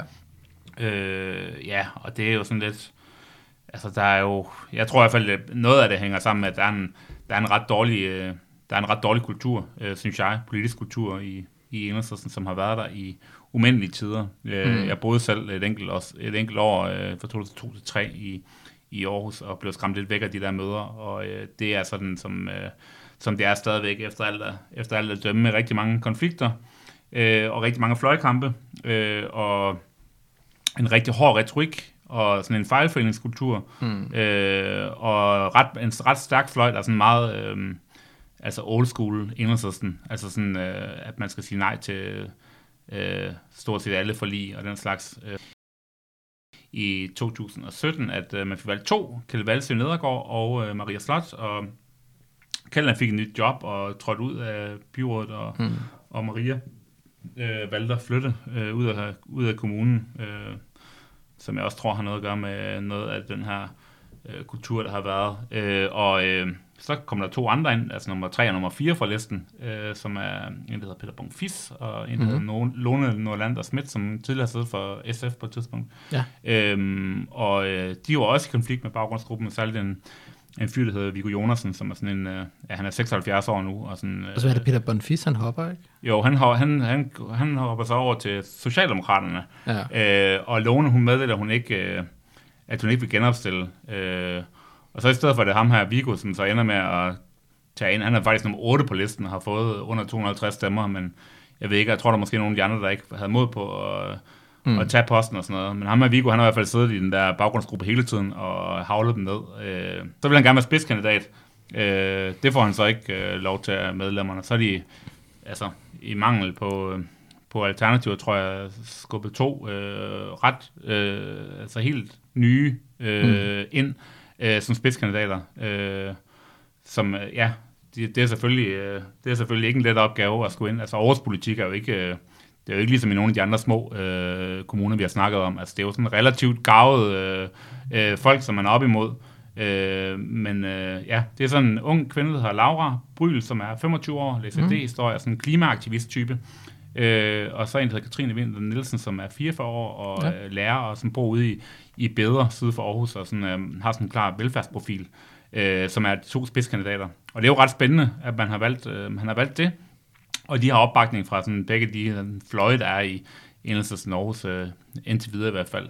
Men øh, ja, hvis vi lige skal prøve at, at komme over til SF, altså mm. øh, man kan jo sige, at øh, jeg synes på en eller anden måde, det, det er meget rart, øh, alt det her, du lige øh, sådan for, for fortalt omkring, hvordan det fungerer for enhedslisten, fordi øh, jeg var måske sådan lidt at loss øh, ved, ved sådan sidste kommunalvalg i 17 til at forklare, hvordan at øh, Aarhus var den eneste storbykommune, hvor at SF fik et rigtig, rigtig godt valg. Mm. Og det giver måske en del af forklaringen, at, øh, mm. at konkurrencen for enhedslisten har været øh, ikke særlig god. Altså sådan en, så, øh, altså Thomas Medom er jo SF's frontfigur, der har været det nogle, øh, nogle år, og øh, altså utrolig dygtig, øh, utrolig, øh, utrolig karismatisk også, øh, meget populær, for rigtig, rigtig, rigtig mange personlige stemmer. Mm. Øh, og sad førhen på øh, beskæftigelsesrådmandsposten, øh, og er så blevet opgraderet til, til, øh, til børn og, og unge, og har ligesom kunnet komme over til at snakke om sådan klassiske, mere øh, sådan SF-politik, og snakke om, øh, hvad hedder det nu, altså mere om øh, ja, minimumsnummeringer og, øh, og, øh, og skoler og børn, børn, børn, altså, øh, som ligesom har været sådan det klassiske øh, SF-politik her de, de sidste par år. Mm. Øh, men som også lavede nogle, øh, nogle fede ting, øh, da han var beskæftigelsesrådmand, sådan noget øh, forsøg med arbejdsløse, der fik sådan øh, brugerstyrede budgetter, hvor de selv måtte få lov til at bestemme, hvad pengene skulle bruges til i deres beskæftigelsesindsats og sådan noget. Øh, noget andet, som faktisk er lidt sjovt for, for SF den her gang, det er, at man har øh, jo... Altså, vi nævnte tidligere det her med, at i enhedslisten har man øh, stort set alle steder partiliste. Og i SF, der har man jo stort set alle steder sideordnet opstilling, sådan, så det er de mm. personlige stemmer, der afgør det. Ja. Aarhus har altid været en af undtagelserne øh, for SF, øh, hvor at man har haft øh, partiliste, men det er så blevet anderledes den her gang. Og det, øh, så vidt jeg ved, så skyldes det simpelthen corona, at øh, man blev nødt til at øh, tage den der øh, afstemningsproces som uafstemning i stedet for som opstillingsmøde. Og det betyder, at det ikke var alle de aktive, der dukkede op, der skulle afgøre det, men at det lige pludselig var alle de passive medlemmer også. Mm. Og de har bare tænkt sideordnet. Det giver mening. Okay. Så det øh, skal man prøve for, for første gang, og det bliver, øh, det bliver da interessant at se, øh, hvordan det, det påvirker det. Øhm, ja. Jeg tror, man er i hvert fald øh, bekymret for, øh, altså nogle har været bekymret for sådan nogle typer som, øh, altså sådan en som øh, Jan Ravn ved jeg for eksempel, er, er jo sådan en, der, der er blevet nævnt som sådan et godt eksempel på, hvorfor man skulle have en, en, øh, en partiliste, øh, fordi at, øh, at det er sådan en person, der er enormt stærk i det politiske arbejde, enormt god til substans, men som bare ikke nødvendigvis er typen, der får rigtig mange personlige stemmer. Ja. Øh, og, og det er jo øh, et, et, et helt færre argument for, for at vælge at have en partiliste, i stedet mm. for at sige, at, øh, at der er en forskel på at være god til at få stemmer og være god til at få indflydelse. Ja. Men det bliver i hvert fald meget interessant at se, hvordan at, øh, at det kommer til at spille sig ud. Ja. Øh, ellers så er det en afdeling, der er meget præget af, at man har mange gamle SFU'er. Øh, altså Thomas Medom har jo været SFU'er, Mette Bjerre, mm. som sidder derinde, er også gamle SFU'er. Og man har også øh, SFU-kandidater øh, nu. Øh, så det er meget, øh, meget et SFU-sted. Øh, Ja. Og så er det jo et sted, hvor, altså, sådan er det måske nogle af de steder, hvor det er sådan, hvor der hvor Socialdemokraterne har meget magt, så har mm. SF også det nogle gange. Øh, I hvert fald har SF haft øh, øh, sådan en rådmandspost, øh, Ja, ja, ja, så længe jeg kan huske. Enhedslisten har aldrig haft det. Øh, nej. meget bekendt. Det, øh, men men ja, jeg, jeg synes i hvert fald, det er interessant at se det her med, at det, det er ligesom øh, den storby, som, øh, som SF klarer sig suverænt bedst i. Ja. Øh, fordi øh, i, hverken i Aalborg, Odense eller øh, for den sags skyld i København, har man jo egentlig fået nogle særlig gloværdige valgresultater sidste gang. Mm, nej. Så er der lige en enkelt vinkel, som øh, jeg lige vil snakke om nu, hvor vi er i Aarhus. Ja. Og det er det her med ghettoloven. Ja. Øh, og det er selvfølgelig også noget, der kan have en effekt andre steder, men øh, Gellerup er nogle gange det største almene boligområde i Danmark. Ja. Og man kunne se meget, meget klart øh, ved folketingsvalget i 19, hvordan at, øh, at der skete nogle enormt store vælgervandringer øh, i for eksempel Gellerup øh, ude på, øh, på det valgsted, øh, som, som har dem hvor at øh, de radikale gik frem, sådan noget 15 procent, og Socialdemokraterne gik tilbage med tilsvarende eller et eller andet, ja. Ja. og hvor SF også fik et meget sådan fæsent valgresultat. Mm. Og det, jeg tænker i hvert fald, at det bliver interessant at se, om man også ser det samme ved kommunalvalget. Øh, en tendens til, at øh, de partier, der er stået bag ghettoloven, bliver straffet i de ghettoområder Ja. øh, af vælgerne. Ja. Men øh, skal vi prøve at bevæge os væk fra Aarhus, ja, lad os gøre det. og så øh, måske bevæge os øh, lidt øh, ud af på næsen? Ja, til Sydjurs måske. Ja, men til Sydjords. Ja, det er jo, øh, det er jo også en, det er jo en ret rød kommune. Ja, det må en, man øh, sige. En landkommune at være. Altså, øh, SF har hele øh, fire mandater, Mm. mm. øh, og Enhedslisten har et enkelt. Øh, Enhedslisten gik tilbage med et mandat her ved sidste valg, det gjorde vi jo nogle steder, men fik alligevel 4,6 øh, procent, som er, som er ret pænt øh, i forhold til den, øh, jeg ved, man kan vel godt kalde det en landkommune. Øh. Enhedslisten, eller SF undskyld, fik 15,6 procent, det synes jeg er, det synes jeg er helt vildt, og gik endda øh, en lille smule tilbage også. Ja. Øh, så det er sådan en øh, meget rød kommune med en øh, socialdemokratisk øh, borgmester, og så har både Venstre og SF øh, en viceborgmesterpost. Mm. Øh, hvordan kan det være, at, øh, at SF er så stærke derude? Øh, jamen, det handler jo om Christine Bille. Øh, SF, øh, som er SF's spidskandidat, hun blev borgmester i Syddjurs i 2009-valget. Øh, det var i forbindelse med, øh, med Villibølgen, kan man ligesom sige. Øhm, ikke for at tage noget væk fra, fra det øh, arbejde, der sikkert også har ligget i at rent faktisk omsætte det til en borgmesterpost. Men hun er så blevet borgmester øh, efter 2009-valget. Øh, mister så borgmesterposten øh, i 13-valget, hvor SF jo selvfølgelig også går tilbage på grund af det landspolitiske osv. Øh, men har så ligesom genopstillet siden da, øh, meget klart som borgmesterkandidat.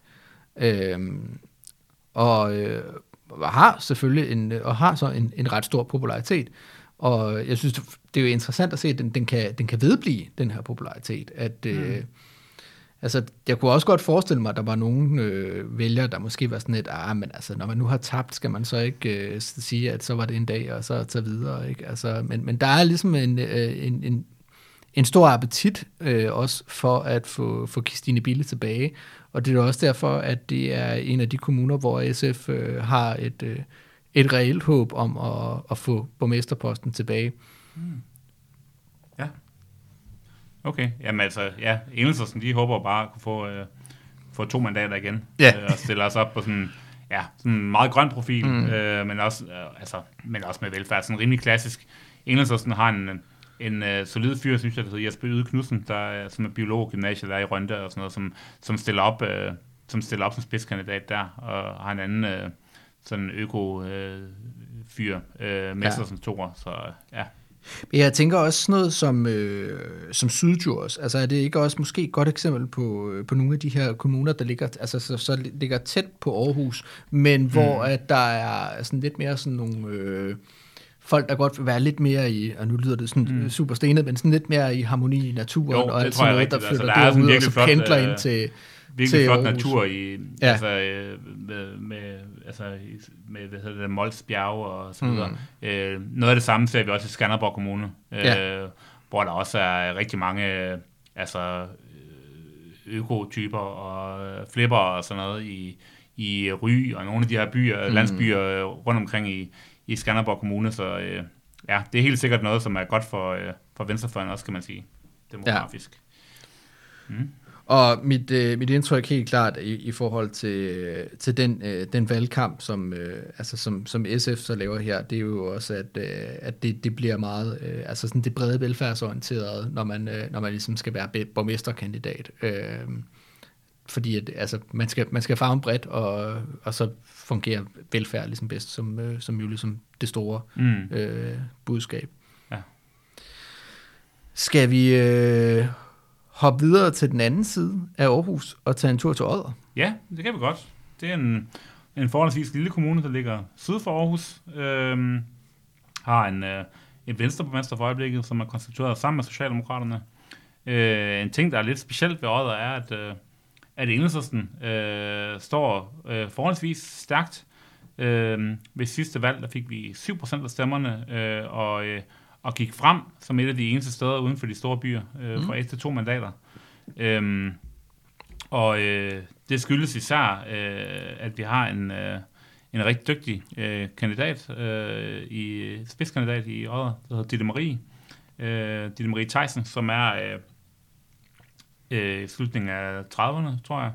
Øh, og øh, altså, hun fik personligt øh, 550 stemmer sidste gang, som Altså, det er en meget lille kommune, det her. Så det Ja. ja. gjorde hende til den tredje øh, mest populære politiker. Altså, udover de to borgmesterkandidater, var det ligesom, var det ligesom hende, der var den mest populære af alle. Mm. Øh, og øh, altså, hun fik øh, over 4% af alle stemmer afgivet i kommunen personligt på hende. Og altså, vi har ikke for vane at få vildt mange personlige stemmer ind, så der er rigtig mange stemmer på, bare på partiet og sådan Ja. noget. Så hun var faktisk, øh, det kan jeg huske, at jeg sad og lavede noget udregning på efter valget sidste gang. Hun er faktisk den, eller den kandidat af alle i hele landet, der fik, altså fra Enhedslisten, der fik øh, det største personlige, øh, det bedste personlige valg. Altså, øh, Ja, sådan i ved, procent, hele, ikke? ved hele valget i forhold, ja, i forhold Ja. til kommunens størrelse, altså antallet af vælgere, mm. øh, Mm. med over 4% af stemmerne. Øh, og hun, øh, ja, hun gør det også skide godt, øh, ud til. Øh, hun blev valgt ind øh, første gang i 2013, og øh, er dygtig til at stille konkrete krav om, altså alt muligt sådan, øh, rent drikkevand, og vi skal lave, vi skal rejse øh, så og så mange træer øh, det er det her sted, og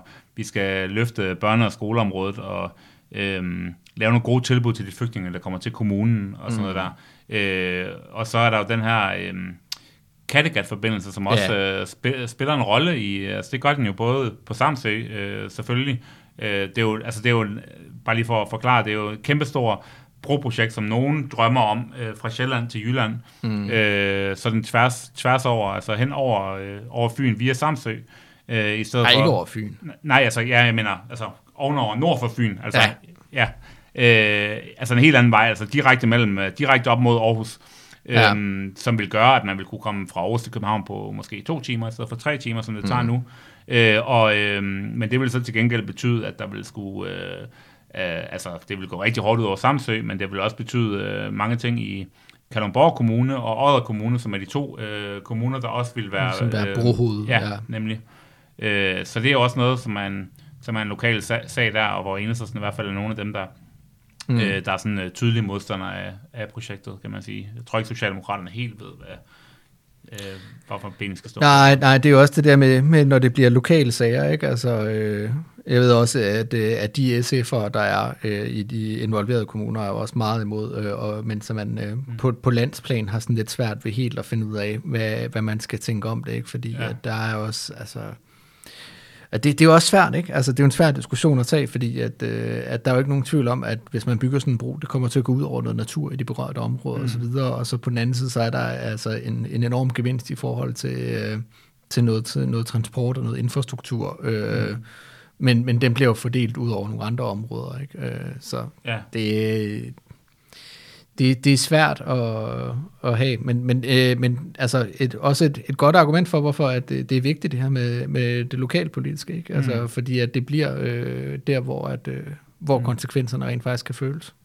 Men hende er Ditte Marie, hun er i hvert fald sådan en type, som, øh, som enhedslisten godt kunne tænke sig øh, flere, flere af, kan man sige. Øh, Mm. øh, nogle, øh, nogle skarpe profiler, som er, øh, altså, det er jo ikke nogen hemmelighed, det tror jeg faktisk gælder alle partierne, at gennemsnitsalderen øh, blandt kommunalpolitikere er forholdsvis høj.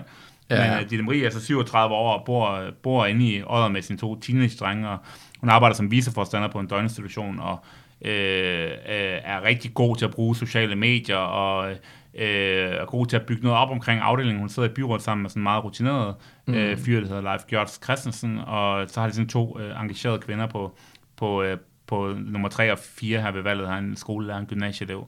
Øh, og så øh, en lidt spøjs ting er, at Altså, fordi de har haft to øh, siddende i byrådet, som betaler partiskat øh, de sidste fire år her, har de Ja. ja. haft penge til at ansætte en kampagneleder. Hold øh, altså på deltid. Men Ja, ja, altså, ja. det er stadigvæk øh, ret spøjst i sådan en, en lille kommune, Ja, ja. Øh, og som også gør øh, alt andet lige, at de kan sparke, øh, sparke ret meget røv i sådan en valgkamp, fordi mm. de har faktisk øh, de har faktisk haft øh, muskler til at sidde og, sidde og planlægge det. Så Ja. øh, ja.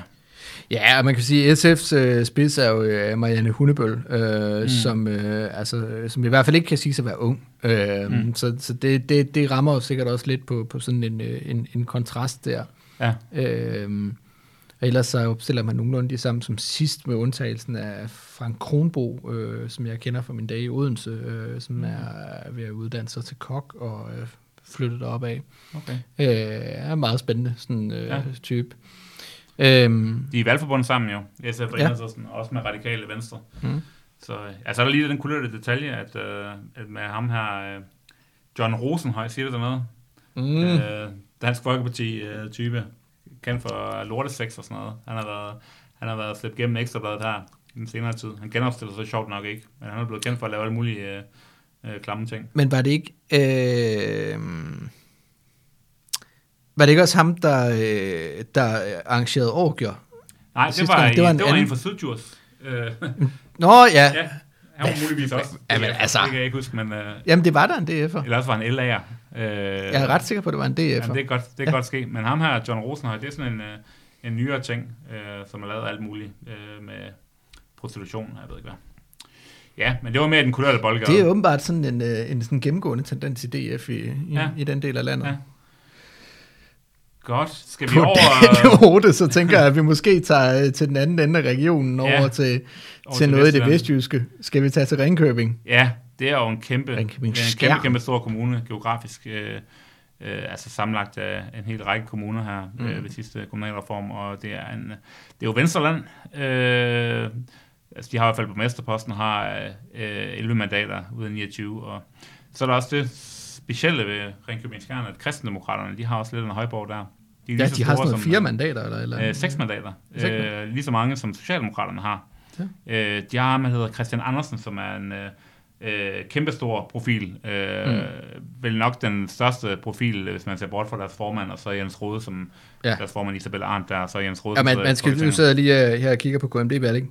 Han var, det, han var topscorer i forhold til personlige stemmer ja. I hele kommunen ja. sidste gang. og han, øh, han var også øh, snublende tæt på at skaffe kristendemokraterne et kredsmandat Ja. i, øh, i Vestjylland øh, ved sidste valg, så han har også øh, mange stemmer i nabokommunerne og sådan noget. Han er, hmm. han er, ikke, han er ikke kendt øh, for os øh, københavner rigtigt, men han er, han er meget stor i Vestjylland, øh, Ja. og øh, ja, kristen. Og, Sjovt nok. ja, og så øh, SF, de har jo sjovt nok ja. også, øh, altså står rimelig stærkt i, øh, i Ringkøbing Skjern med tre medlemmer af byrådet. Mm.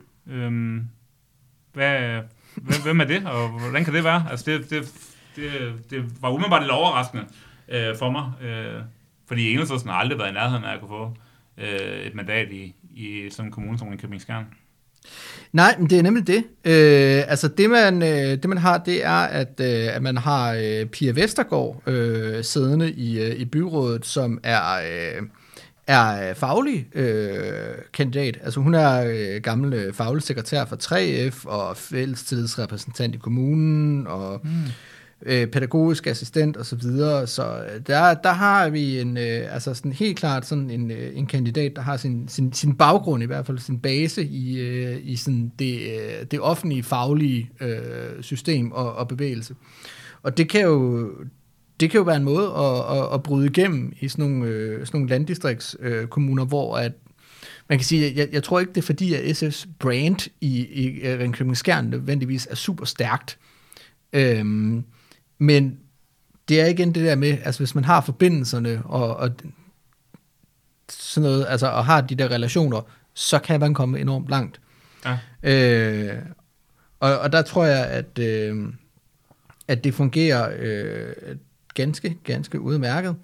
Øhm, men altså, når man sidder og kigger på, sådan, hvad, der, hvad der bliver øh, sådan, øh, gået til valg på der, så er det jo øh, mange, mange for, forskellige ting, så der er ikke sådan nødvendigvis en, øh, altså sådan en, en sådan en faglig profil på det, men jeg tror mere, at det er, øh, det er der, at, øh, at det ligger. Øh, mm. altså, øh, og så er det, altså kommunalvalg, det er, jo, det, det er jo personligt. Altså, det er enormt personligt. Ude i de små kommuner, der, der stemmer man sgu på et konkret, en konkret person, ja. som man har, man har tillid til. Altså. Noget, jeg synes er interessant i forhold til hele det der med, øh, med kristendemokraterne, det er, at som jeg øh, umiddelbart kunne se det, at, øh, at øh, SF har kigget på øh, en konstituering sammen med kristendemokraterne. Jamen, at, øh, at sidste gang, så, øh, så, øh, så prøvede man at komme, komme til at konstituere udenom øh, om venstreborgmesteren øh, i en konstituering med øh, kristendemokraterne, socialdemokraterne, SF og Fjordlisten.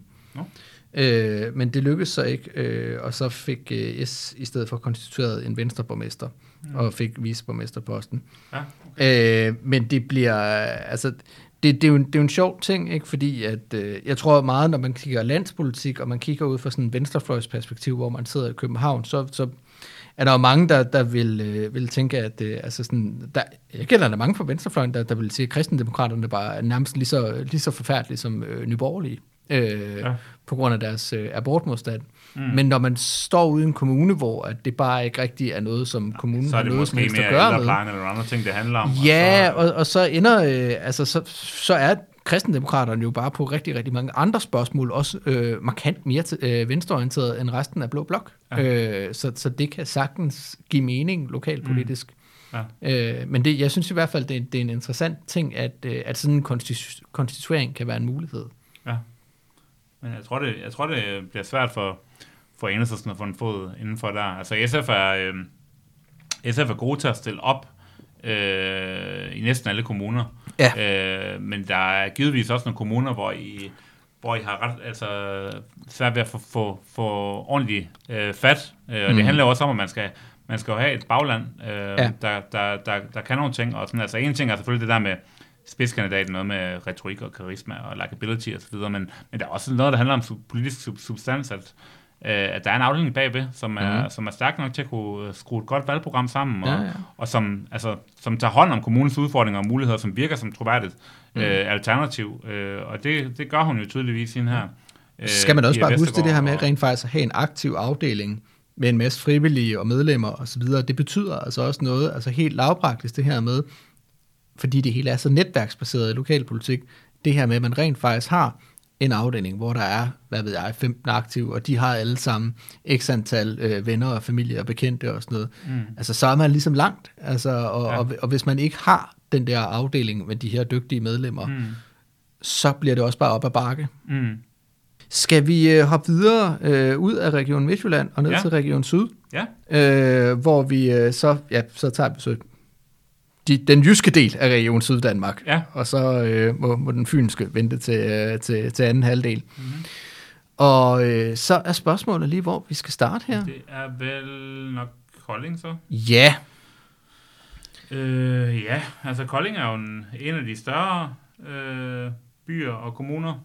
Øhm, der, ja, altså, øh, ja, den er interessant på den måde, at øh, SF har en, en markant spidskandidat, ja. øh, som har meldt åbent ud, at han, øh, han vil være borgmester. Mm. Og det er jo øh, den navnkundige Billy Sundag. Ja, god gamle. Mm. Øh, det, er jo, det, er jo, det er jo en sjov øh, ting, ikke? Øh, Altså, jeg tror da helt klart, at, øh, at fra, fra, øh, fra SF's perspektiv, at Willy er nok det bedste bud på en ny SF-borgmester. Øh, altså, jeg tror, at, at det er noget, der bliver opfattet mere realistisk end for eksempel Christine Bille, og vi kommer også ind på nogle andre bud øh, senere. Øh, men, men er nok øh, et, et bud på, hvis man skulle have to borgmester, så vil man nok sige, så bliver det Tony Hansen på Langeland, og så bliver det Ville Søvndal i, i Kolding. Men det er jo også øh, lidt af, et, øh, af en modkandidat, han har fået sig så fra øh, Eva Kær Hansen øh, mm. fra Venstre. Altså det er, det er jo virkelig et, et præsidentvalg, hvor man har sendt øh, de nationale figurer øh, til byen. Men er det overhovedet givet, at, øh, altså jeg ved godt, at, at Ville Søvndal, han har, han har store øh, armbevægelser og sådan noget der, men ja. er det overhovedet givet, at, øh, at han er i spil til en borgmesterpost? Hvem, er, hvem siger, at, at han overhovedet kan trække flere stemmer end Socialdemokraternes spidskandidat, for eksempel? Betyder det så meget, det der med, at man er, at man er landskendt? Eller? Øh, jeg tror, at man skal tænke på, at det betyder selvfølgelig noget, at man er landskendt. Men det, der også betyder noget for, øh, for Willy, det er, at han er lokalkendt. Ja. Altså, det er jo i Kolding, at han har startet hele sin politiske karriere, har siddet i byrådet, været lokal øh, politiker der, øh, stillet op til at blive valgt til Folketinget i første omgang, osv. osv. Mm. Øh, så det er en, øh, en kommune, hvor han har en, en ekstrem stor øh, lokal tilknytning. Øhm, og, og det bliver jo faktisk også påpeget tit øh, i forhold til, til Eva Kær, øh, som, som alternativ, at øh, jamen, øh, hun er ikke fra Kolding. Hmm. Hun er fra, fra Sønderjylland. Aha. Øh, så så der, der er ligesom en forskel der. Og, altså, er hun Tror du, hun er flyttet til Kolding for at, at blive borgmester? Jeg er faktisk ikke helt sikker på, hvordan det er der. Det kan også være, hun har flyttet til alle mulige andre årsager. Men, ja. øhm, men i hvert fald, at, øh, at, at, at det, det der med at, at være øh, en, der, der kommer fra byen og har, har været er nærmest født og opvokset og he, haft hele sit liv der, mm. øh, det betyder noget. Ja. Øh, så, så jeg tror, at det er ikke bare et spørgsmål om, at man sådan parachuter øh, Ville Søvndal ind i en eller anden tilfældig dansk kommune, og så mm. satser på, at der mm. kommer noget godt ud af det. Øh, jeg tror virkelig, at det er, altså det, det, det er i Kolding, hvis det skal fungere. Jeg tror ikke, der vil være kommet noget godt ud af det, hvis man gjorde det i Vejle eller Fredericia, øh, for, for nu bare at tage nogle nabobyer. Mm. Men SF har jo allerede øh, stået stærkt der i, i forvejen, og det er jo faktisk også på grund af en anden øh, landspolitisk øh, profil, nemlig Karina Lorentzen, mm. som øh, ikke blev valgt øh, ved folketingsvalget i 2015. Og det gjorde hun på trods af, at hun fik et af de allerbedste personlige stemmetal for SF-kandidater, men det forholdt sig bare sådan, der ikke øh, var et mandat til SF i Sydjylland. Så selvom at hun fik et ekstremt flot personligt valg, så kom hun så igen. Og så stillede hun så op øh, til, øh, til byrådet i, øh, i 2017 og for SF, og, og fik sikret et, øh, et rigtig flot valg der. Så sidder man med 10 procent af stemmerne. Stiller hun så også op i, uh, igen, eller hvad? Nej, det gør hun ikke. Okay. Øh, så øh, nu sidder hun jo ligesom i Folketinget. Nå, okay. Altså, det, der blev hun valgt i 19, ja. ja. Okay. Øh, så, øh, så der har man så, øh, så Willy Søvndal nu. Men det er da helt klart, at, øh, at det... Altså, jeg tror ikke, øh, der er nogen tvivl om, at Ville Søvndal nok skal få et godt valg. Men hvorvidt det så bliver omsat til en borgmesterpost, det er jo noget helt andet. Ja. Og... Øh, Ja, for det kræver jo så også, at de andre partier... Ja, det er det ikke. Altså, der, der skal man huske på, at, at, at, at det at blive borgmester handler ikke øh, kun om at overbevise vælgerne, det handler også om at overbevise resten af byrådet om, at det er en god idé. Mm. Og, øh, og på en måde, så er det jo også lidt atypisk, det her på en måde. Fordi de fleste steder, hvor SF er blevet, har fået en borgmesterpost i tidens løb, har det jo været meget bygget op omkring det, man engang kaldte Vejle-modellen, øh, efter... Øh, den øh, SF-borgmester, der var i Vejle engang, mm. om at det var en konstituering over midten, hvor at man for at undgå socialdemokratisk styre, så havde man en konstituering, hvor de borgerlige de pegede på en SF-borgmester. Ja. Men når man har en SF'er mod en borgerlig borgmesterkandidat, så er man faktisk meget afhængig af, at, øh, at Socialdemokratiet kommer til at pege på SF. Ja. Og jeg vil i hvert fald sige, at det kræver, at, at SF bliver større end Socialdemokratiet, før det bliver noget, som man kommer til at overveje. Så det, det bliver et interessant spørgsmål. Ja. Og jeg tror da også, at, øh, at, at altså, jeg tror, hvis, hvis man skal tage, tage formuleringen, så der er ikke nogen, der er i tvivl om, at Willy han kommer til at få et rigtig godt valg. Spørgsmålet er mere konstitueringen. Ikke? Hvad går øh, ligesom til valg på, altså politisk? Ved du noget om det? Det er, altså det, det er jo meget sådan bygget op omkring sådan de, de overordnede nationale øh, sådan SF-narrativer. Øh, og- og det er ro på, og det er minimumsnormeringer og, og sådan nogle ting. Ja. Øhm, men det er... Øh, jeg, jeg tror, at der, hvor at, at, at mange SF'ere har det, sådan, de, de, de tænker, men jeg er ikke i tvivl om, at han nok skal, skal være sådan god nok kandidat til at få rigtig, rigtig mange stemmer. Men der, hvor Ville Søvndal måske har vist sin svaghed i sin løbet af sin karriere, det har jo typisk været i et forhandlingslokale. Hmm. Øh, det kunne man jo også se, da han øh, stillede op til Region Syddanmark sidste gang, øh, hvor han også fik et øh, ganske flot valg, og fik, øh, SF fik 12 procent af stemmerne eller et eller andet. Og øh, han endte med at gå rundt øh, og, og være fuldstændig lukket ude af konstitueringsforhandlingerne. Ja. Øhm, Han er også meget stor. Ja, det bliver spændende. Det bliver spændende med, med enhedslisten, om det ligesom er, at øh, altså, de har et mandat i forvejen, og fik Ja. øh, godt 3% sidste gang.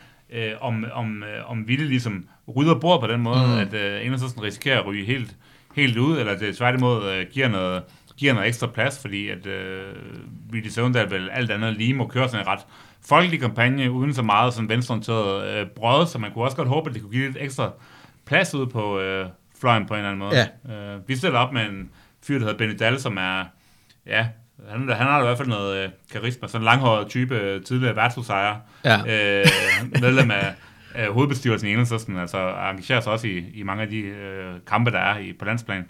Mm. Øh, og så har de fået sådan en, en afhopper fra Socialdemokraterne med, øh, Hanne Dam, som har siddet i byrådet i, i mange år, og som også er et, et, et, navn for, altså for genere, kan man sige, altså Ja. øh, af, af lokalpolitik der, og hun er, hun er så øh, stillet op for Enhedslisten. Og hvis nok, jeg har hørt noget med, at der, der er noget ved, altså nogle diskussioner omkring, om hun må det for Enhedslistens vedtægter i forhold til mm. det der med, med partihop og sådan noget.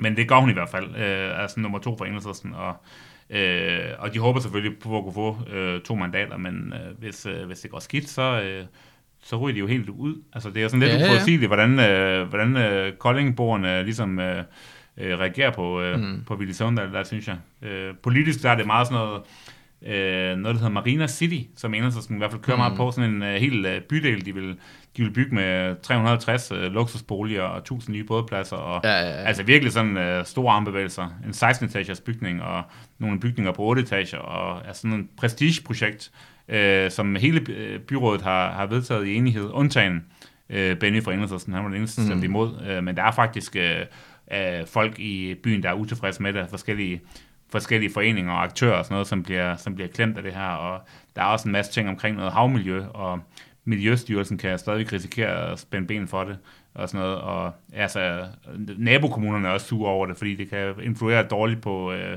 altså på øh, havmiljøet i hele Lillebælt og sådan noget. Øh, så det er sådan Ja. lidt, øh, SF har hoppet med på den, øh, og måske får sig sådan ligesom en, øh, en bane at spille på der, sådan, mm. som, som modstanderpartiet.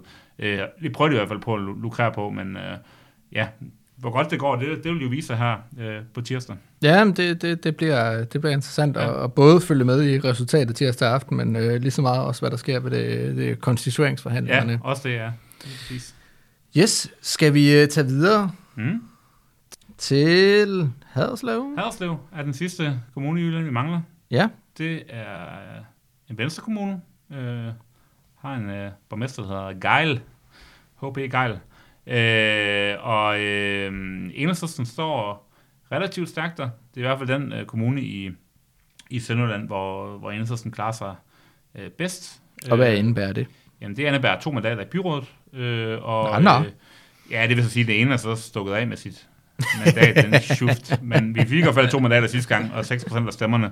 Øh, og af de få steder, sammen med blandt andet året, hvor man gik en lille smule frem Ja. uden for byerne. Øh, og øh, ja, beholdt sig begge mandater der. Øh, vi har sådan en frontfigur, der hedder Svend Brandt, som er en meget mm-hmm. sympatisk, vældig fyr.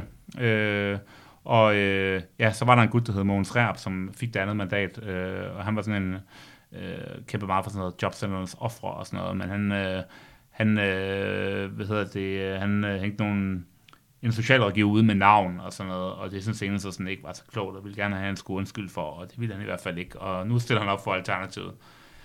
Øhm, Enhedslisten stiller op på mange sådan grønne sager, øh, en nationalpark og noget med grundvandet og en hel del mm-hmm. med forurening af Lillebælt og Øh, men så har de også noget med behandling af arbejdsløse, og de kører også på noget kulturpolitik og sådan noget, hvilket også er, er meget fedt, synes jeg. Øh, Ja. Så, og har øh, øh, en, der hedder øh, Helene, som er sådan en yngre kvinde, som er spidskandidat den her gang.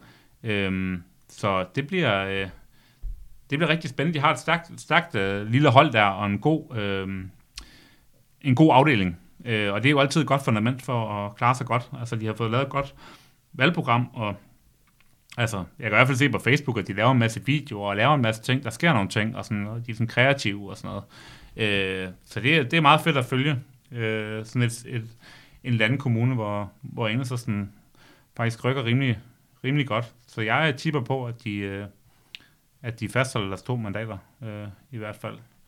Øh, det er en af de øh, landkommuner, hvor vi klarer os lidt bedre end, end SF umiddelbart. Eller SF fik tre, godt 3 procent sidste gang, og har, har et Ja. enkelt mandat. En gut, der hedder Bent Iversen. Hmm.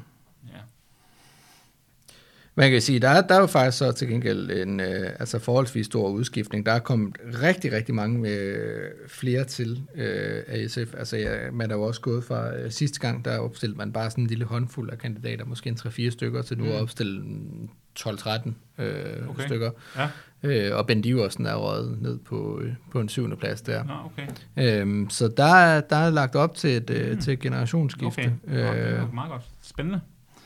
Øh, og så er det jo ellers også en... Øh, altså selvom at i forhold til det, en sønderjysk kommune og sådan noget, så altså, synes jeg, det er ret pænt, at SF og Enhedslisten står til øh, knap 10% af stemmerne til sammen. Men, Mm. men øh, Dansk Folkeparti er jo, er jo større end, Venstrefløjen, og det bliver også ret spændende at se med nye borgerlige nu. Altså det er jo det her øh, gule Danmark, som man kaldte det. Øh, altså hvem der kommer til at klare sig stærkest, øh, ikke kun i Haderslev, men også i resten af Sønderland af, ja.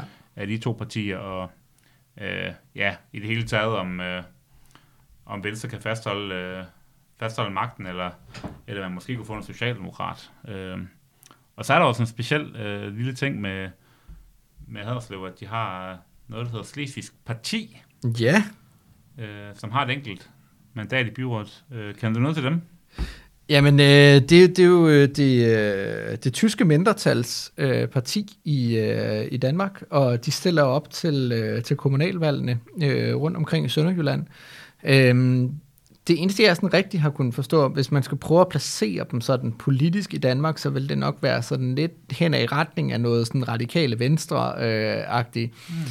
Altså det er jo sådan typisk, øh, altså når, når det bliver sådan nationalt funderet, sådan, øh, men når det er et mindretalsparti, så bliver det typisk noget meget øh, mangfoldighed og plads til alle. Øh, Okay. Så de er sådan lidt, øh, lidt grønt parti og sådan. Ja, men, men der er meget sådan, inde på deres hjemmeside, de er jo også meget sådan, øh, uh, vi er lidt midterpartier, hverken til højre eller venstre og sådan noget, så det er også... Øh, Ja, okay. Men det, er- det, er en, det, det er en, øh, en sjov ting, at, øh, at lige have den dimension med, at der, der stadigvæk er et, øh, et tysk mindretalsparti, som, øh, som er, øh, er på mange steder i Sønderjylland, og jeg tror, hvad er det, det er i Sønderborg eller sådan noget, hvor de går efter borgmesterposten. Øh, okay. Jeg Nå. er ikke helt sikker på, hvor det Nå. nu er. Men, øh, Det, det danske mindretalsparti i Tyskland er jo Mhm. også lige blevet valgt til forbundsdagen for første gang, og det går godt med, ja, ja. med dem også i hvert fald. Så. Så men det er i hvert fald interessant. Ja. Men det var simpelthen en Jylland. ja, det blev godt nok også øh, langt. Vi har, Det er vi blevet øh, meget, men det er også enormt øh, omfangsrigt. svært at, svært at begrænse, synes jeg. Men nu vil vi øh, i hvert fald tage os en, øh, en velfortjent pause, og så øh, vende tilbage med øh, Fyn, Sjælland og hovedstadsområdet. Yes, og Bornholm. Og Bornholm. Mm-hmm. Ja, region Ja. hovedstaden, ikke?